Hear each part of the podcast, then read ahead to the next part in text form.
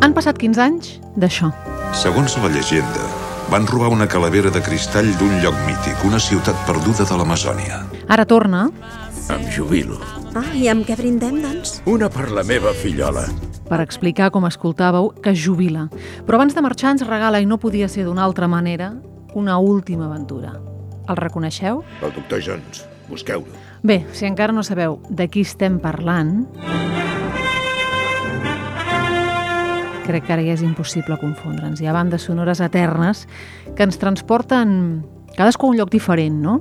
Infància, adolescència, el cinema amb el pare o el cinema amb els fills. Sigui com sigui, arriba una de les grans estrenes cinematogràfiques de l'any, la cinquena part d'un dels grans herois d'aventures i nosaltres ho volem analitzar amb la nostra experta en pantalles, la Mònica Planes. Soc la Carla Torró i avui a l'ara Indiana Jones i el dial del destí. Mònica Planes, què tal? Molt bon dia. Molt bon dia, molt bé. A veure, aquesta pel·lícula ens agradarà o no ens agradarà? Que això és la pregunta important. Jo crec que ens agradarà. Ah, De fet, l'he vist i a mi m'ha agradat. Mm -hmm. És una pel·lícula per continuar-t'ho passant bé amb l'Indiana Jones, amb els referents que has vist sempre.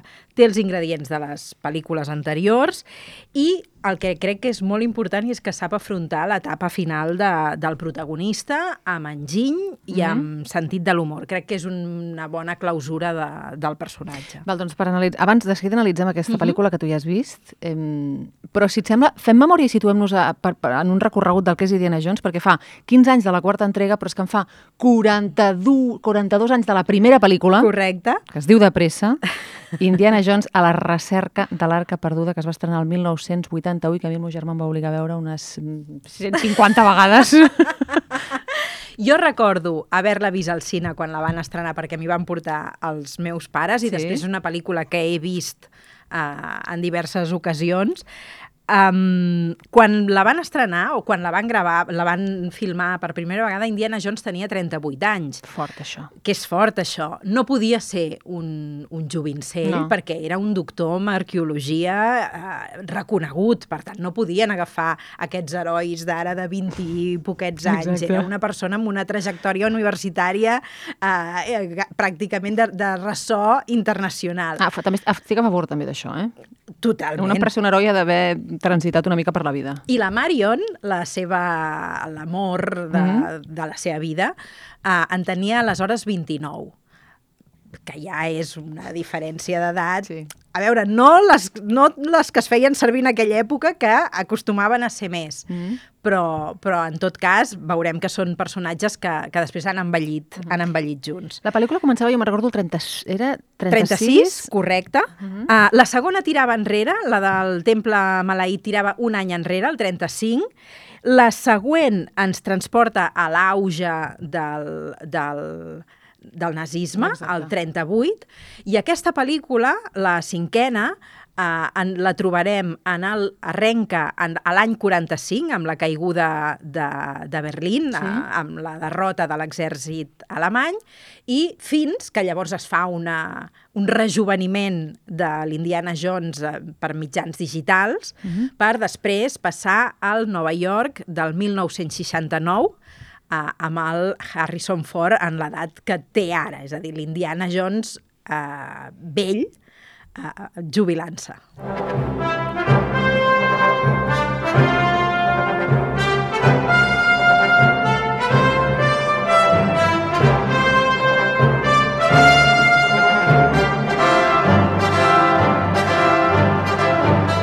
Que el poder de la música. Jo escolto això i ja m'he ja transportat allà. Claríssimament. I a la cinquena pel·lícula, tornar-la a escoltar és un estímul pràcticament de, de Pavlov, no? És, ja estàs esperant, és a dir, estàs esperant les, aquestes, aquesta secció de vent de, de l'orquestra, l'estàs esperant i quan la sents uh, no és com la primera vegada, sinó que hi ha l'efecte, el poder evocador que té aquesta música indubtablement, Clar. com la té John Williams sempre en totes les seves composicions, però a més a més té l'efecte de tot l'acumulat uh, de les altres pel·lícules de, de, de l'Indiana Jones, no? Hi ha una, un element molt difícil de, de, de resoldre, jo crec que és la decadència d'un protagonista, no? Que havia sigut jove, fort, atlètic i que de sobre és un, un senyor gran. Correcte. Com gestionem aquesta decadència de, de l'heroi? Doncs es fa des d'una de, des part que diríem que en podem dir melodrama, no? Uh -huh. És a dir, és el, ara ens trobem amb un personatge que comença a ser l'antiheroi. Uh, és la part que no pertany al gènere d'aventures i Clar. que crec que, que, que està bé. En, en la quarta pel·lícula, la de la calavera de, de cristall, és un heroi que al final de la pel·lícula decideix com eh, tenir una vida més tranquil·la, és a dir, formar una, una família, Mhm. i eh, hi ha una cosa que hem de tenir en compte, i a la tercera pel·lícula sabem quin pare va tenir eh, Indiana Jones. I ara cal saber quina mena de pare ha sigut Indiana Jones. És a dir, ell sabem que, com va experimentar el ser fill d'un determinat personatge, que interpretava Sean Connery, i tot i que tot és eh, molt elíptic, aquí hi ha un paper, i és que Clar. aquest senyor durant molts anys ha tingut una vida universitària, però també familiar. I jo crec que aquesta pel·lícula és molt hàbil a l'hora de donar-nos tota aquesta informació des de l'elipsi, mm, perquè eh, quan trobem a, a l'Indiana Jones al 1967 ja el trobem sense camisa, eh, absolutament... Eh, eh, desfassat, eh, eh, perdut, eh, no sap en quin dia viu, i en una situació de què et diria, de decadència de professor d'universitat. Això el remet a les anteriors pel·lícules que el que recordem són aquelles classes a la universitat, Sí, total. aquelles aules plenes amb les alumnes fent aquella caiguda d'ulls. Te'n recordes que hi ha un personatge sí, sí, que porta love you escrit a les parpelles i li tanca la... no? fa la clocadeta de- d'ulls? Doncs... Eh, I ara veiem un, un professor universitari avorrit amb els alumnes eh, badallant a classe. No? meva. O sigui, la decadència també la La veurem. decadència també la veurem, però hem de veure com, com s'estimula aquest heroi. Però ell què està buscant? Sempre busca alguna cosa, no? O sigui, de què va la pel·lícula? Ell què busca? Correcte. Ara aquí buscarà un giny anomenat Antiquitera, Val. fabricat per Arquímedes, que és una mena de giny que té el, el suposat poder de predir les fissures del temps. Mm. Però, com sempre, que de fet les pel·lícules d'Indiana Jones és un senyor que busca una cosa i hi ha tot d'altres personatges que intenten impedir-li. Sí. I aquesta és la- l'argument eh, bàsic. I com ha passat en altres pel·lícules, tenim un tros d'aquest giny i cal l'altra part per completar la història, no? I es pot entendre sense haver vist les altres? O... Perfectament. Ah, és va. a dir, que si els veterans de l'Indiana Jones decideixen anar al cinema amb els seus fills i els fills no han volgut veure o no han pogut veure les pel·lícules anteriors, ho viuran a, a, diguem, des d'una pel·lícula d'aventures. Quina és la gràcia d'haver vist les anteriors i, sobretot, d'haver vist, uh, d'haver revisionat les pel·lícules abans de la cinquena part?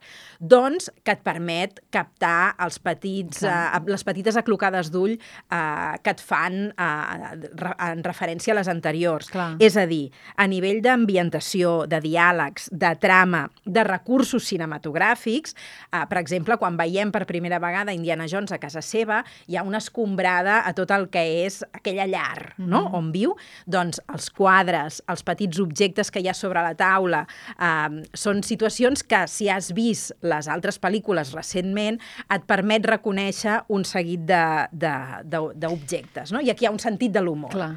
Un, un sentit de l'humor. Mira, això m'agrada que diguis això, perquè ara pensava en la frase que has dit, com es gestiona la decadència d'un heroi, abans deies des del melodrama, no? del personatge de, de l'antiheroi, amb aquesta idea gairebé de posar-li sentit de l'humor. Mhm, Sí, és una, jo crec que la cinquena part és una pel·lícula que té la capacitat de riure's una mica Sí. d'ella mateixa amb, amb certa indulgència, no? És a dir, treure partit a aquesta història que té la, la pel·lícula i a- exprema aquestes coses que ja havien que ja potenciaven el personatge, o els recursos cinematogràfics, o fins i tot les claus pròpies de l'Indiana Jones, mm -hmm. per dir, bé, ara ja sabem, l'espectador veterà ja sap a què juguem. Per tant, anem a fer que això es converteixi a, en, en una clocada d'ull, en, en, en una brometa mm -hmm. interna, si tu vols. No? Per exemple, si surt el Salà, Sí. que és aquest amic que d'aventures, aquest company d'aventures que sabem que no trairà mai en a l'Indiana Jones i que l'ajudarà sempre, encara que surti poqueta estona, quan apareix al Salà, els que ja hem vist les, les pel·lícules anteriors, eh, en les que l'acompanya el, el Salà, ja sabem quin personatge és i que encara que surti poc, allò que li digui al Salà tindrà un valor potencial en Clar, la pel·lícula, encara clar. que sigui uh, un cameo pràcticament, no? I, i, alguns, I alguns exemples més? De, de... Sí, per exemple, Indiana Jones sense samarreta. No hi ha pel·lícula d'Indiana Jones on aquest espitregament de, Sí, sí, sí. de, de l'heroi tingui un valor, no? Fins i tot en moments que a- al temple maleït, quan l'estan a punt de sacrificar, i o sigui, sempre hi ha el moment en què Indiana Jones ensenya el pit. Clar, clar, clar, que dius, no, de vegades no, no fa això, i fins i tot dius una mica forçat aquí de sobte. Que Ah, exacte. Doncs ara, a la cinquena pel·lícula, en primera entrada, te l'ensenyen ja sense sèrio? samarreta, però clar, és un senyor gran, no? Que, que, escolta, molt digne, Molt eh? no, no, molt molt digne. Però, uh, diguem que hi ha aquesta manera de dir, mirin, aquest heroi que, que va ser el que va ser, ara és això. Després, l'Indiana Jones conductor. Uh, a l'Indiana Jones li agrada molt conduir. És un heroi que sempre que pot, diguem que fins i tot aparta el conductor per posar-s'hi ell. És un personatge, uh, diguem que té un, un, una habilitat a l'hora de conduir. Doncs bé, veurem què conduirà en aquesta cinquena pel·lícula, què li queda per conduir a, a Indiana Jones i aquest orgull de ser un, un crack en la conducció, no sempre els vehicles eh, tindran el glamour que han tingut en altres eh, ocasions. La por a les serps Ai, és una cosa eh, molt, re molt reiterada mm. i en certa manera és com si haguéssim pensat o sigui, és un recurs que potser s'està esgotant massa. De quina manera li podem donar una volta més en, aquest, en aquesta por a les serps, no? I tu saps, com que tu saps aquesta por a les serps, entens perfectament de quina manera han pogut fer aquest gir. Mm. Uh, L'equipament del barret, el fuet i la caçadora de pell esdevé ara ja pràcticament simbòlic. Recuperar aquests objectes té una altra transcendència, sobretot per l'espectador i pel personatge. Um, les persecucions en vehicles i les baralles a alta velocitat a dalt de vehicles. Això continuen tenint... Val, doncs, han de ser imprescindibles. És a dir, tu ja, estàs, tu ja veus un tren i ja t'imagines Sí, a sobre, com a... saltant de, de, de vagó en vagó. Correcte, això eh, necessitem que hi sigui en Sí, una sí, pel·lícula de- d'Indiana Jones.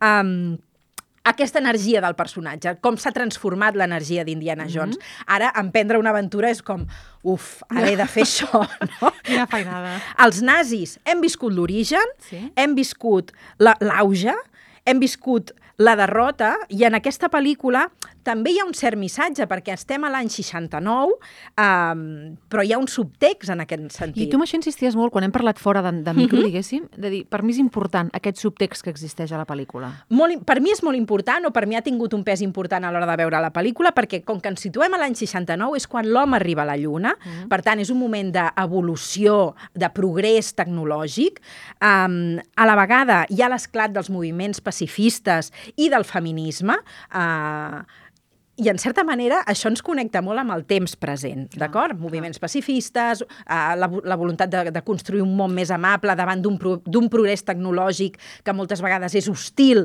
amb, amb l'home, i apareixen aquestes reminiscències del nazisme mal ofegat. I, I aquí a mi em sembla que, que en certa manera és, és una manera de dir-te que tot torna. I que tot pot tornar si no ho evitem. Exacte. O, o sigui que hi ha missatge. Sí, tota la pel·lícula gira al voltant del temps i de la, al voltant de la gestió del temps i això d'una manera argumental però també metafòrica perquè també ha passat molt el temps Clar, per l'Indiana Jones i en clar. aquests salts temporals i en aquest tot torna uh, hi ha un moment que l'Indiana Jones diu les coses avancen molt de pressa i a vegades van enrere. I a mi aquí em va semblar que ens estaven dient alguna cosa i Clar. és que uh, per voler avançar massa de pressa uh, podem, podem cometre errors que ens facin tornar al, al passat.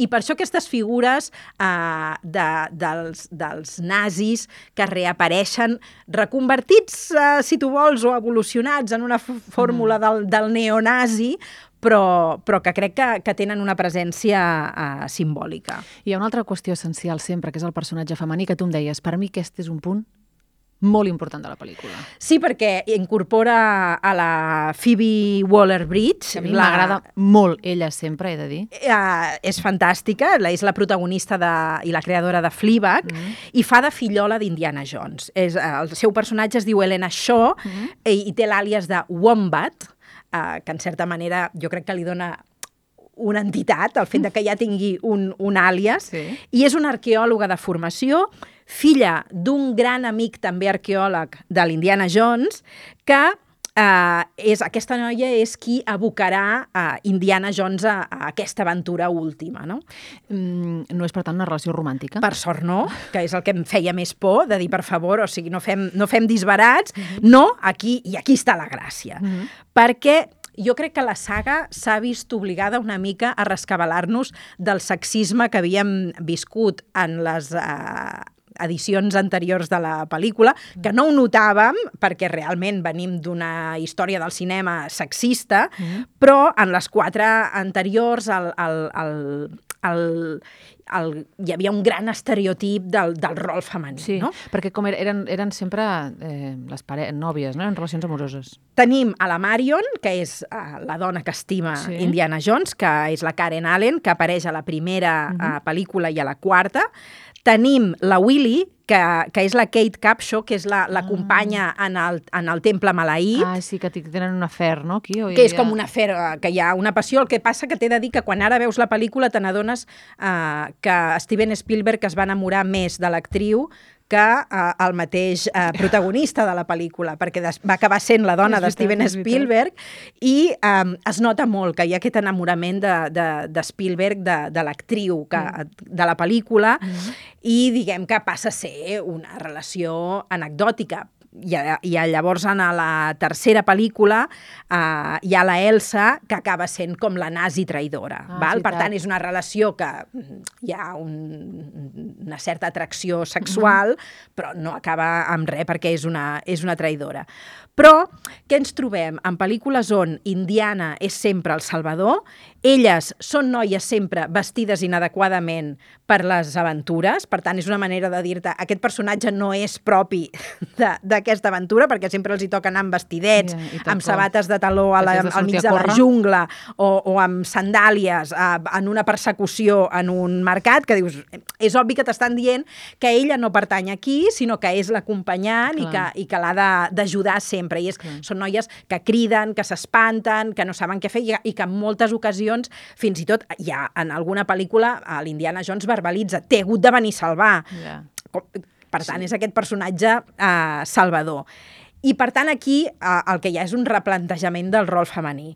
Um, L'antiheroi té una companya de- d'aventures empoderada que malgrat tot necessita una transformació i que serà la veterania i els valors d'aquest gran heroi que ha sigut Indiana Jones mm -hmm. qui ajudaran a potenciar aquest personatge. Però és interessant quan tu dius no? I, i té una dona empoderada que és capaç de salvar-se, que és capaç també d'ajudar-lo amb ell, i això pot tenir recorregut, perquè, clar, A mi m'agradaria. Jo trobo que aquí ens estan parlant d'un relleu generacional, és a dir, de passar el testimoni Clar. i, de, i a més a més de, de que, que sigui una dona, no? que seria, uh, diguem, aquesta, aquest nou feminisme que, per tant, pot convertir les dones en les noves heroïnes de- d'aventura. Ara les generacions actuals han tingut tots els herois de, Mar de Marvel, Sí. sí. per tant, a mi em semblaria interessant que poguessin eh, recuperar aquesta heroïna tradicional d'aventures que té un nou llarg recorregut per endavant.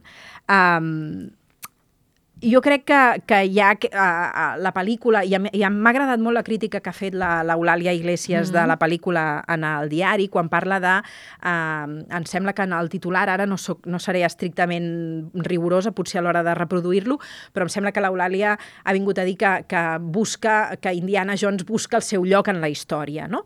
I m'ha agradat molt aquesta, aquesta manera de sintetitzar aquesta necessitat de Després hi haurà discussions sobre si això s'aconsegueix o no, mm -hmm. o si els recursos o les idees han sigut encertades. A mi m'han agradat.